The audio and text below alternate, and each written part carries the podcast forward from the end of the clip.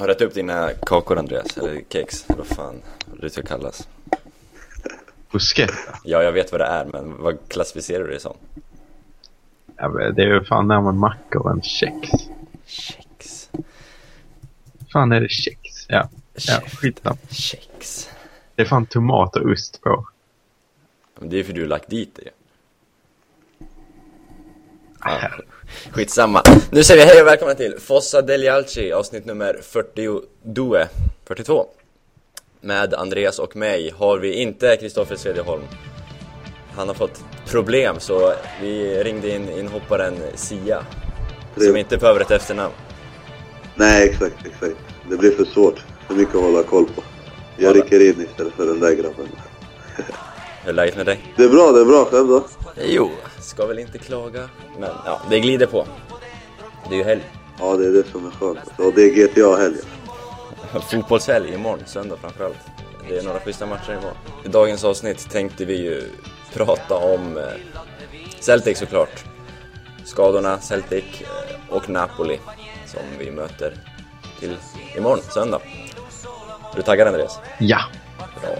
Då kör vi! Milan, sei forte, lotta da campione. Milan, sei grande, gioca ogni pallone. E la domenica poi fatti rispettare.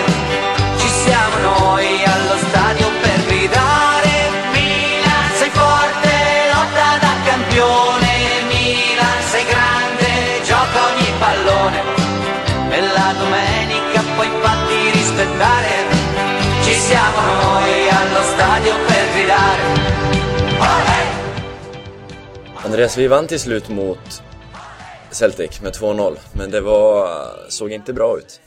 Nej, det, det gjorde det verkligen inte. Eh, om eh, Chelsea har flest chanser, eller Chelsea, Celtic har flest chanser så säger det ju en del om hur man spelar. Även bollinnehavet på San Siro. Hade Ja. det var Milan som vann, så det är väl det viktiga. Men det kanske ska se bättre ut när det är Champions League-kväll om Milan. Just på grund av traditionen i den turneringen. Ja visst ska det det, men samtidigt så är det väl rätt typiskt Milan att inte vara allt för bra i gruppspelet heller. Och man får också inte glömma att vi hade en 8-10 spelare borta på skada. Så Ja, vi, man ska komma ihåg det gruppspelet i Champions League faktiskt de senaste åren. Vi har varit riktigt dåliga på hemmaplan. mm, Tappat poäng hur som helst. Så, så med det här skadeläget så får man väl ändå säga att ja, man, man har någon slags ursäkt att inte spela på topp. Sen är kanske inte kanske man kunde leverera lite bättre och inte vänta till 80 men ja, det är en vinst. Ce- Celtic är ju usla alltså. Ja, de är ju fruktansvärt dåliga verkligen. Eh, speciellt på bortaplan. alltså, 20, ja, om det är 26 förluster på 28 bortamatcher i Champions League och sånt. Aldrig vunnit i Italien heller. Det Nej, är- Det är ett riktigt dåligt gäng fotbollsspelare alltså. Det, var ju, det är ju lättaste matchen, på pappret i alla fall, i vår grupp. Så det var väl tur att vi lyckades vinna till slut. Men eh, ja, kan du ta med dig något positivt från matchen Andreas? Förutom att vi vann. Ehm, jag tycker att eh, Walter Birsa som fick väldigt mycket kritik, han spelar ju trekvartista, vilket i sig är negativt, men han gjorde det inte så himla dåligt tyckte jag. Utan han är en funktionell spelare på, ja, alltså han är ingen startspelare som ska vara startspelare i Milan, men han gjorde inte bort sig. Ja, Det tyckte håller, jag. håller vi inte riktigt med. Han var bra i 10 minuter, som resten av Milan också tycker jag.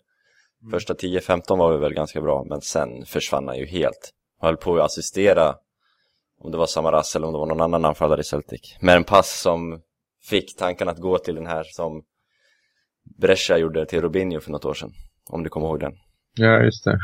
Den var snarlik.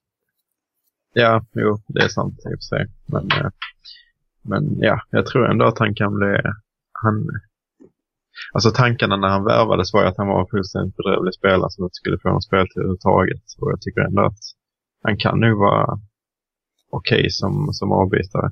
Han är ju bättre än Traoré, om vi säger så. Ja, jag tycker ändå att han är det. Bättre än Ochirin också. Se, se väl mer om Traoré än om eh, Birsa. alltså. Det är Men det är väl också, det är väl också positivt att eh, det är någon annan än eh, typ Balotelli som kliver fram och avgör. Alltså. Även om det var lite turligt så är det ju också sen, ja det är Zapata och sen så är det ju Montari liksom. Efter en av, alltså frispark från Balotelli i och för sig. Men eh, det är väl också i sitt eh, positivt. Ja. Jo, det får man väl säga. Att vi inte förlitar oss allt för mycket på Balo. Som har varit dålig Och den här sen- säsongsinledningen. Ja. Och sen att hålla nollan trots allt, det, det är liksom aldrig dåligt. Nej. Nej, det ska ju sägas att Mexes gjorde faktiskt en riktigt bra match också. Eh, Och har börjat den här säsongen bra tycker jag. De Jong, de Jong vill jag lyfta. Det- Ja, absolut.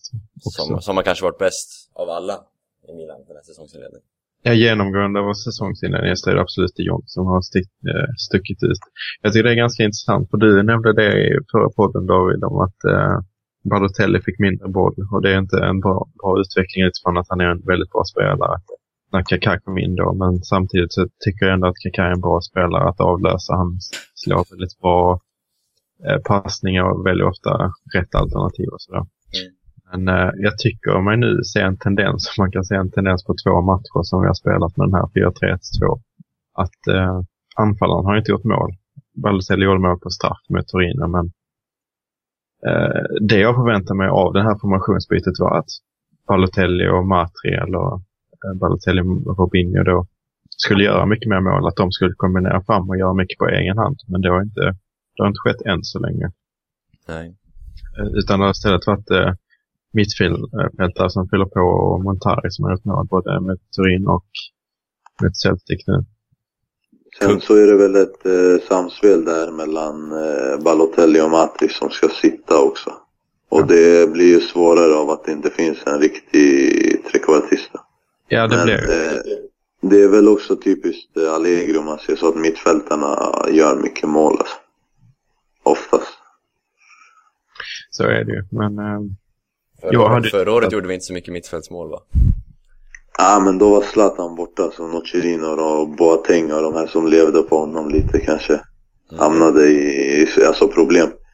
Men eh, ja, i, alltså förra säsongen kan man ju se det så, som att Balotelli var väldigt avgörande. Men eh, om man ser det till hur det borde se ut så tror jag att det kommer vara jätteviktigt att mittfältarna eh, och andra än Balotelli gör mål. Åtminstone till Kaká är tillbaka och eh, är i bra form och inte ser ut som han gjorde mot Torino.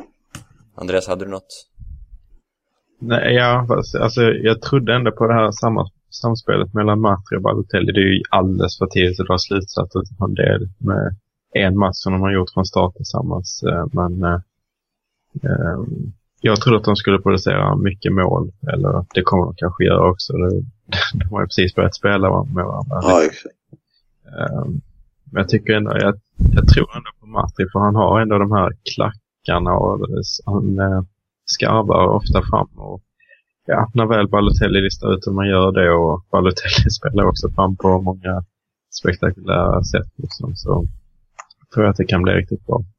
Han kommer ju från eh, ett eh, Juventus där liksom kombinationsspelet är rätt viktigt mellan de två anfallarna. Så att, alltså, det är ju liksom två bra fotbollsspelare och de, de snackar samma språk, alltså, eller vad man ska säga. De, duktiga fotbollsspelare förstår varandra utan problem så eh, jag tror inte det där kommer bli några problem. Jag tror snarare det är resten av laget som som kanske gör att de tvingas leva för mycket på sina individuella kvaliteter.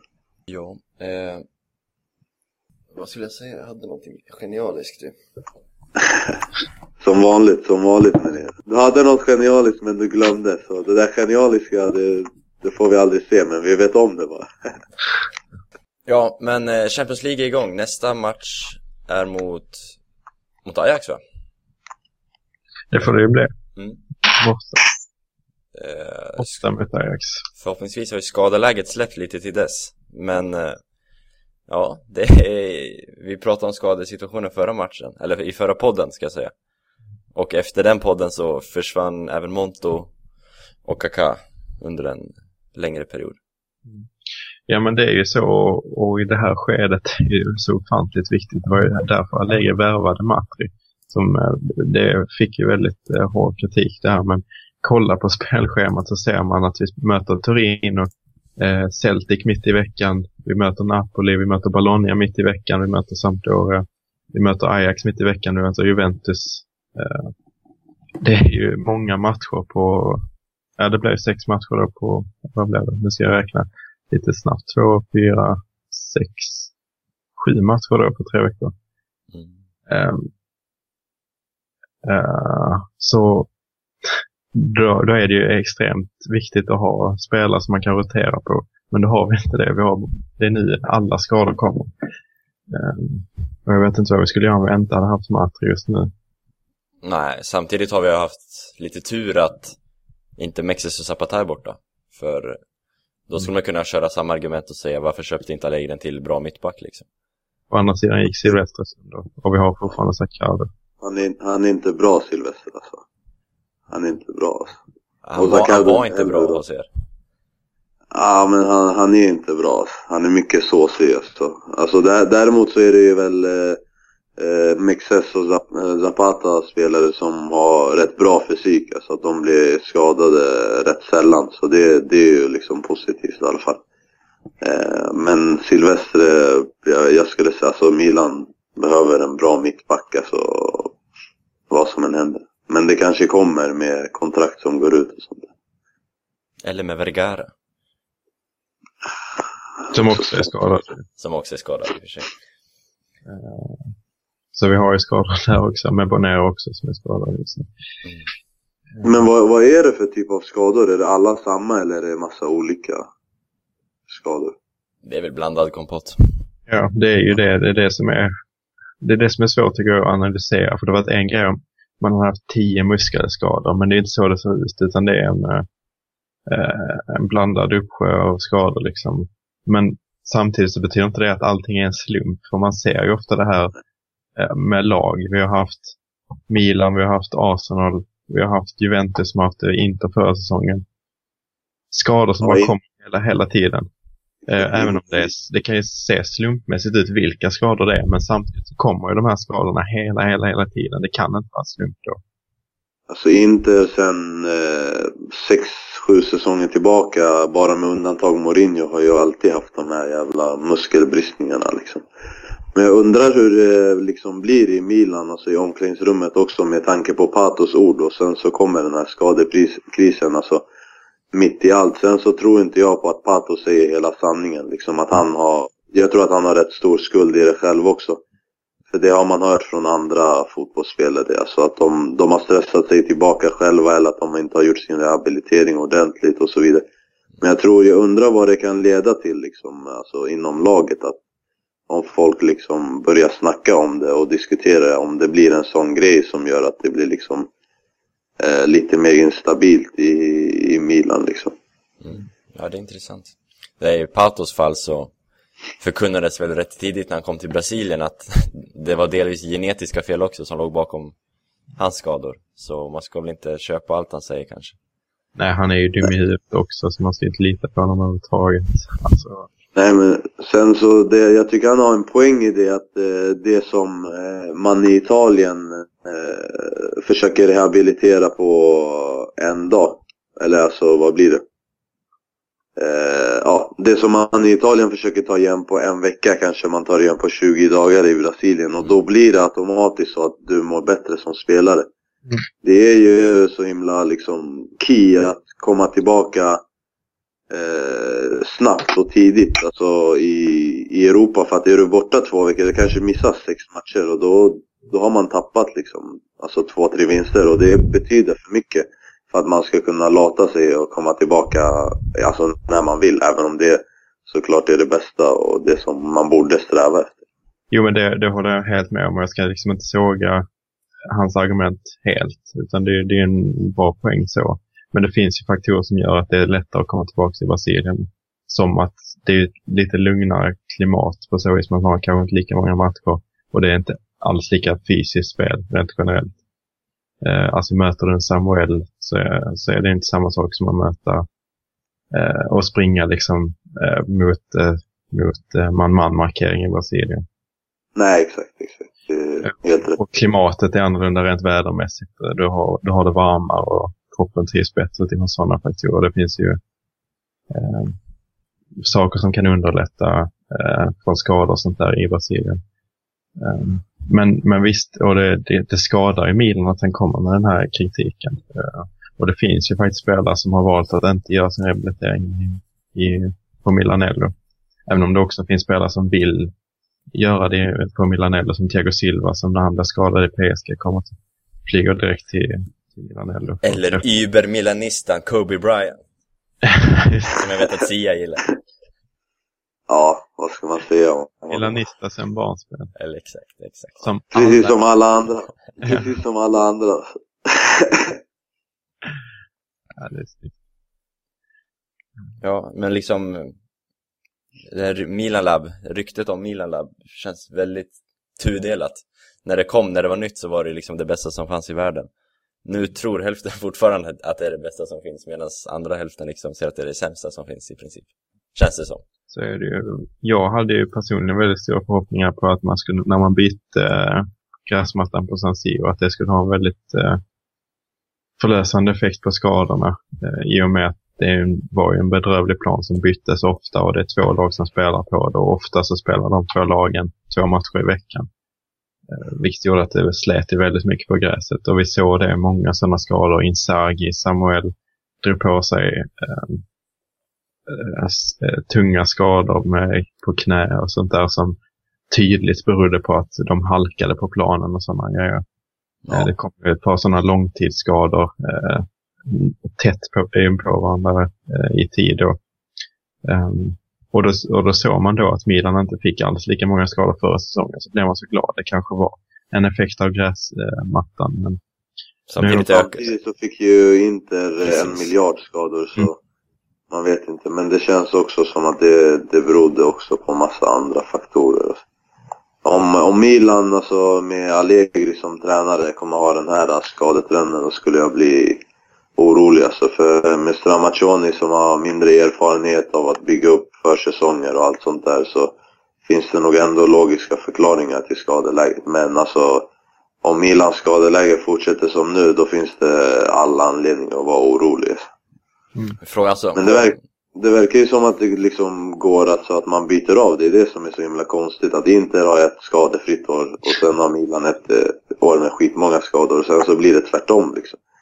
Jag, jag tycker det är skumt. Alltså det, det är någonting som går fel. Alltså om det är på träningsplanerna eller på försäsongen eller vad det nu är som orsakar så många skador så måste man ju kolla upp. Men det som är synd är att resultaten och undersökningar av det här kommer ju alltså ofta liksom med ett par år, alltså ett par år efter kan man liksom sit, alltså sätta, sätta fingret på vad det var exakt som orsakade så många skador.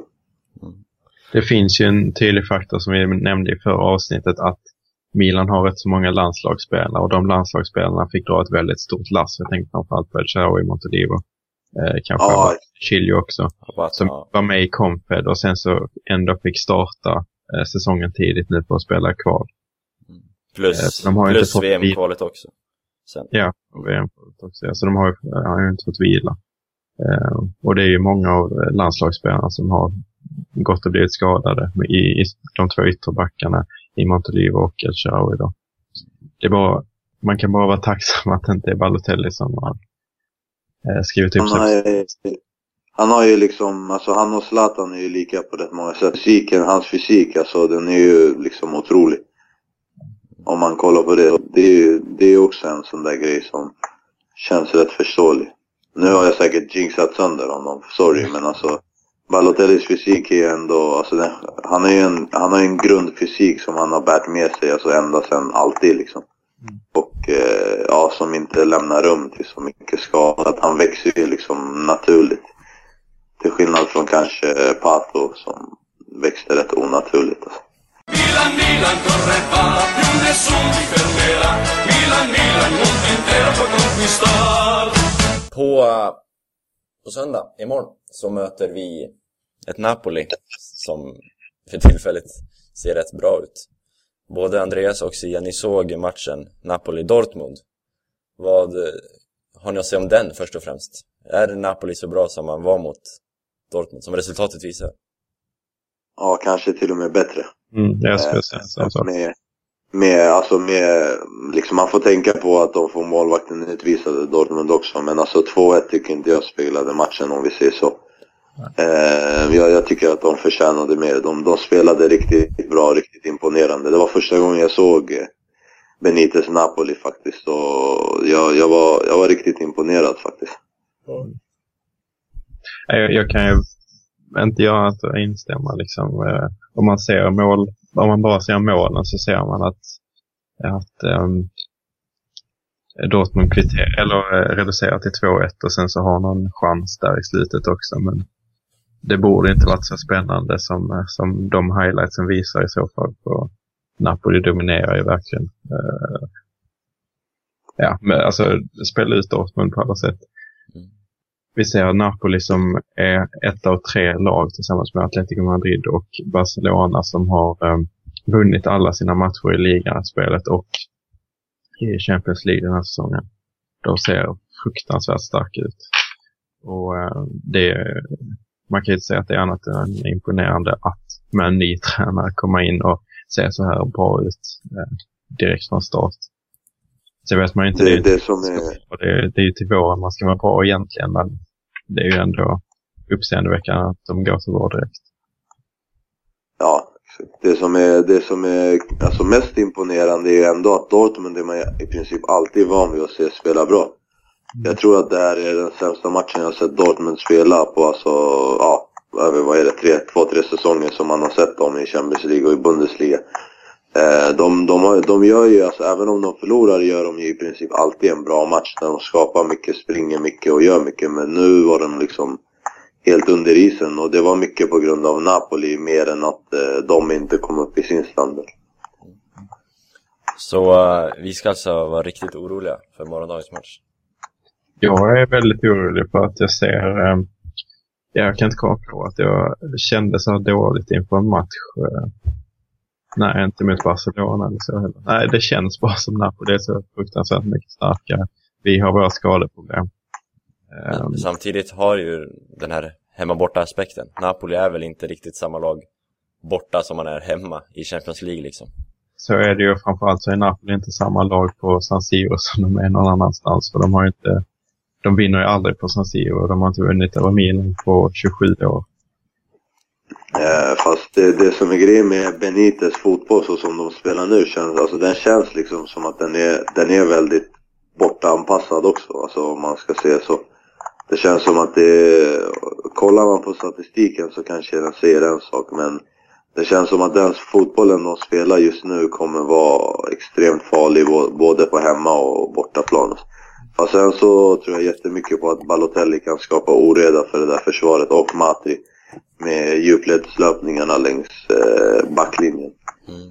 För att eh, man, man vet inte riktigt med Benitez. Alltså, som Andreas sa, det ska inte bli så spännande som det blev. Men eh, jag, jag, tror, jag tror Balotelli och Matri kan skapa stora problem för, för Napoli. Fast sen så tror jag, eller för Milan. Men sen så tror jag samtidigt att Hamsik kan skapa större problem för middag. Mm. Ehm, jag har inte läst hela Gazetten men jag såg bara på, på framsidan här och då står det tar upp att Balotelli aldrig har eh, alltid har förlorat mot Napoli. Eh, det är visserligen ingen, ingen av de matcherna i rödsvart eh, men eller jo i rödsvart är det ju för han spelar ju i ett rött och svart bortaställ med City. Ehm, när de torskade mot Napoli där den matchen som jag dragit så på plats. Men han förlorar ju mot eh, med dem med Inter då och med City. Så det drog de upp. Jag vet inte om det har någon större betydelse nu. Ehm, det som har betydelse är ju som Sia säger att Napoli är ett annorlunda lag nu när man inte har Mats här utan man har eh, Benitez. Som eh, också som man ska ta upp för jag har varit väldigt kritisk mot eh, Benitez sen Liverpool och jag tyckte det var en bedrövlig värvning av Inter att plocka in honom. Men ehm, måste ändå ge honom en eloge för det han gör med Napoli nu och det han gjorde med Chelsea. Ja, fast han det... har någonstans lärt sig sin läxa alltså. Mm. Benitez är ju också en tränare som förbereder sig väldigt bra för matcherna och det jag blir orolig då är för kantspelet. Nu är visserligen Abate tillbaka men man hade ju gärna sett det Chilio för eh, Sakado och Emanuelsson eller Constant. Har sett bedrövligt ut och det var det, var det som eh, gjorde att Chelsea kunde, eller Celtic eh, kunde skapa alla de här chanserna eh, nu senast. Ja. Ska vi backa, backa bandet i det? Liksom, vad är argumentet för att spela konstant mot Celtic när han har varit bänkad gång på gång på gång? För, Fysiken. Det är Är, är ni fysik. seriösa med att säga konstant? ja. Jag Är är det på det. riktigt? Eller vad är grejen? Har jag det? Han är fransos. Det måste vara konstant. Eh, nej, men det är ju det här som lägger tjatar om med konstant då. Att eh, det är fysiken han har som, eh, som är avgörande. Det var ju därför han spelade med Barcelona när vi blev utspelade ur Champions League. Ehm, så eh, nej, men eh, ytterbackarna har ju sett eh, väldigt svaga ut och det har öppnat upp för chanser. Då, och det kan jag inte se hur, eh, hur Benitez eh, ska kunna få bise utan han kommer att använda Callejon och Insigne och allt vad de heter för att eh, skapa trubbel där på kanterna. Ja, de har ju ett väldigt kantinriktat spel alltså. På de där spelarna liksom. Och på ytterbackarna som kommer. Så det tror jag blir farligt. Sen så är det väl det här med Milan och fasta situationer som också kan bli jobbigt igen. Jag fattar inte hur de inte har åtgärdat det där alltså. Nej. det, det känns som, ja, det, det är farligt liksom. Och du har ju rätt nick- nickstarka spelare i laget. Så det måste vara någonting annat där som brister. Ja, alltså mot Celtic så höll vi visserligen nollan, men de, vi hade Matri, vi hade Balotelli, vi hade Sakardo, vi hade Mexes, vi hade Zapata. Liksom det är fem stycken som är riktigt bra på huvudet allihopa. Och det, vi var ju, vi klarade också det såklart, men det kom, alla de fem, eller fyra av dem kommer i alla fall spela mot Napoli, så ja, vi får se. Men jag håller med dig såklart. Jag håller med dig såklart, Chia. Det är helt katastrofalt att vi är så kassa på huvudet på fasta. Och i allmänhet, vi är kassa på huvudet i allmänhet. Och om jag eh, får liksom en teori, Abiati står ju still på linjen, han går ju inte ut och plockar många inlägg alltså. Det känns som det finns flera av de nickmålen vi har släppt in genom dessa år som Abiati skulle kunna gått ut och plockat. Han är ändå typ 1,95 lång, så jag kunna dominera luftrummet rätt bra. Men han står ju alltid still på sin mållinje, i princip. Exakt, sen så kan ju han bara gå in och röra bollen liksom, så får, kommer han ju få en frispark. Alltså vad blir det? 9 av 10 gånger får Morris en frispark om de går ut och boxar och en spelare bara står i närheten liksom. Mm. Så ja, det, kanske, det kan nog bero rätt mycket på det också. Mm. Eh, men det känns också som att det är många gånger bara att man, tapp, man tappar markeringen eller alla jobbar inte tillsammans. Men eh, det, det får vi se nu. Jag försvann ett tag här och blev disconnectad så jag hörde inte riktigt alla argumentationer här. Men eh, en, en väldigt viktig grej i det här känns ju som att mittbackarna som vi har, Zapata och Mexes, är spelare som tappar koncentrationen. Och vi hörde det, Baresi gick ut på Twitter idag och svarade vad är det viktigaste egenskapen på en som mittback? Vad är det? Eh, ja, vad är ens viktigaste egenskap som mittback? Och då pratar han om eh, att det viktigaste är att, eh, att eh, vara uppmärksam. Och det, är- det, det är just det de inte är alltid. Eh, även man kan tycka att de borde vara redo nu när de inte, när vi har släppt in så många så borde de vara förberedda på detta. Men det är ju så att de tappar löpningar som kommer och Higuain såg vi ju nu mot Dortmund som Niva och herrarna i studion eh, analyserade att hans löpningar är väldigt vassa i, i straffområdet och då blir man ju lite orolig när man har Zapata och Mexes. Sen, eh, sen är det ett genomgående problem har vi sett också i Champions League till exempel att det är många som släpper in på fasta situationer och hörnor. Eh, som släpper första stolpen bara sådär. Där har vi ett väldigt viktigt vapen i Balotelli som likt Zlatan står och nickar bort allt som kommer mot första stolpen. Eh, han ska ju alltid stå där i min mening. Ja, alltså det, jag, jag förstår ju inte liksom diskussionen här om, alltså som har varit i veckan om att man inte ska ha folk på första stolpen eller inte. Alltså du, du måste i alla fall ha på zonen där framme alltså, för annars blir det farligt direkt. Ja, Andreas, du som inte jobbar med eh, skrock och skaramassé längre. Vad eh, tror du om ett eventuellt resultat? Du behöver inte säga siffror, men hur tror du det går? Du var negativ. jag var negativ. Jag kan inte komma ihåg att jag har varit så här negativ någon gång eh, eh på de senaste åren. Inte ens mot Barcelona. Sen de har mer varit hoppfulla och slå i underläge så. Men eh, nu ser jag till oddsen att Milan är favorit i den här matchen. Vilket är helt bisarrt i mina öron. Med tanke på allt vi har gått igenom. Som den bettare jag är så, så har jag gått in tungt på Napoli. Och, eh, om, om man ska dra in Scaramanzia-biten i och för sig så kan jag, kan jag säga att jag har bettat mot Milan två gånger. Eh, och då har vi vunnit båda matcherna. Ehm, den ena var mot Juventus senast när Rubini slog in straffen och den andra var faktiskt i det fantastiska derby där vi slog in med 3-0. Eh, så om du vill dra in Scaramanzia i det här så, så kommer vi slå Napoli stort. Men om jag ska kolla objektivt så ser jag Napoli som stora favoriter. Så ja, vad tror du om matchen? Slutresultat eh, eller slut? Alltså hur? Logiskt, eh, som, som Andreas sa så kändes typ 1-3 till Napoli okej. Okay. Men eh, jag vet inte, min, min magkänsla säger att, eh, att eh, det blir kryss alltså. Och att eh, det blir typ 2-2 eller något sånt där. En, en bra, välspelad match. ja, med två lag som vill, som vill lira boll liksom. och som vill spela fotboll och ja, det, det kommer bli kul för oss, eller ja, jag kan inte kalla mig objektiv, men eh, för oss utomstående att kolla på. Eh, jag, jag tror på kryss 2-2 faktiskt. Mm. Ja, okay. Balotelli står för ett, Matri för ett och sen Hamsik för. Milan, Milan, corre va, più nessun ti fermerà.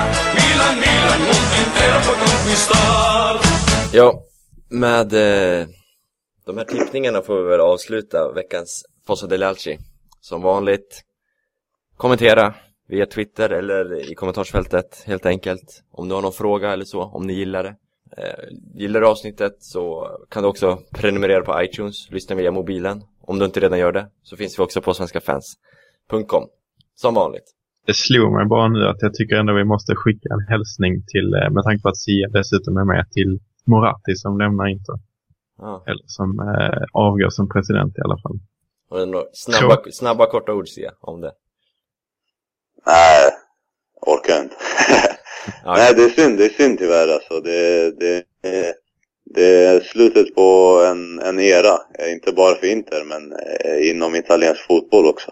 Mm. Och eh, det återstår att se eh, hur, vad Berlusconi-familjen gör och om de också fortsätter. Men eh, ja, det, det, är synd i alla fall tycker jag det och det är många som tycker det med mig. Men eh, just för mig som interista så alltså, är det extra jobbigt liksom. För det är hans Inter som jag är född och uppväxt i. Så ja, det, det är jobbigt. Och sen är jag alltid skeptisk till utländska investerare och så vidare. Så ja, det är synd, det är synd. Vi, lär ju få höra mer av dig om Moratti, antar jag. Och det finns redan ja, att läsa. säkerligen, säkerligen. Det kommer när jag har repat mod och eh, hjärtat inte är brustet. Så. Men, du, har, du har ju några plattformar att uttrycka dig på. Ja, minst, minst tre stycken.